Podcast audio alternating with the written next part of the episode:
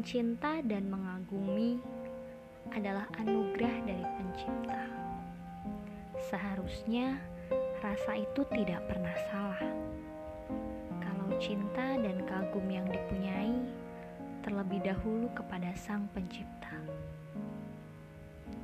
Kagum mungkin memiliki persimpangan, namun cinta seharusnya memiliki satu tujuan Mencintai mungkin belum terlihat nyata ketika kagum itu ada. Dan saat itulah keraguan pun tercipta. Keegoisan serta-merta mampu meruntuhkan indahnya mengagumi dan menghancurkan mulianya mencinta.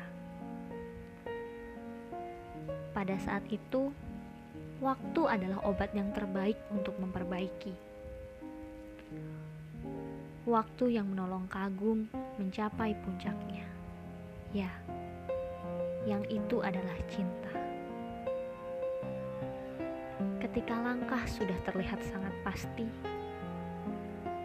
segala harap sudah tersusun dengan sangat rapi, dan hati sudah siap untuk menepi. Namun, kenyataannya membawa pada keraguan. Ya, lagi-lagi keraguan. Keraguan yang ada namun tak sama dengan sebelumnya. Keraguan ini muncul di kala cinta itu sudah ada. Sedih adalah sebuah ungkapan isi hati. Tegar hanyalah luapan emosi. Seketika semua menjadi hancur kembali bertahan dan menunggu sebenarnya adalah solusi terbaik. Tetapi bertahan dan menunggu juga sangat bersahabat dengan keraguan.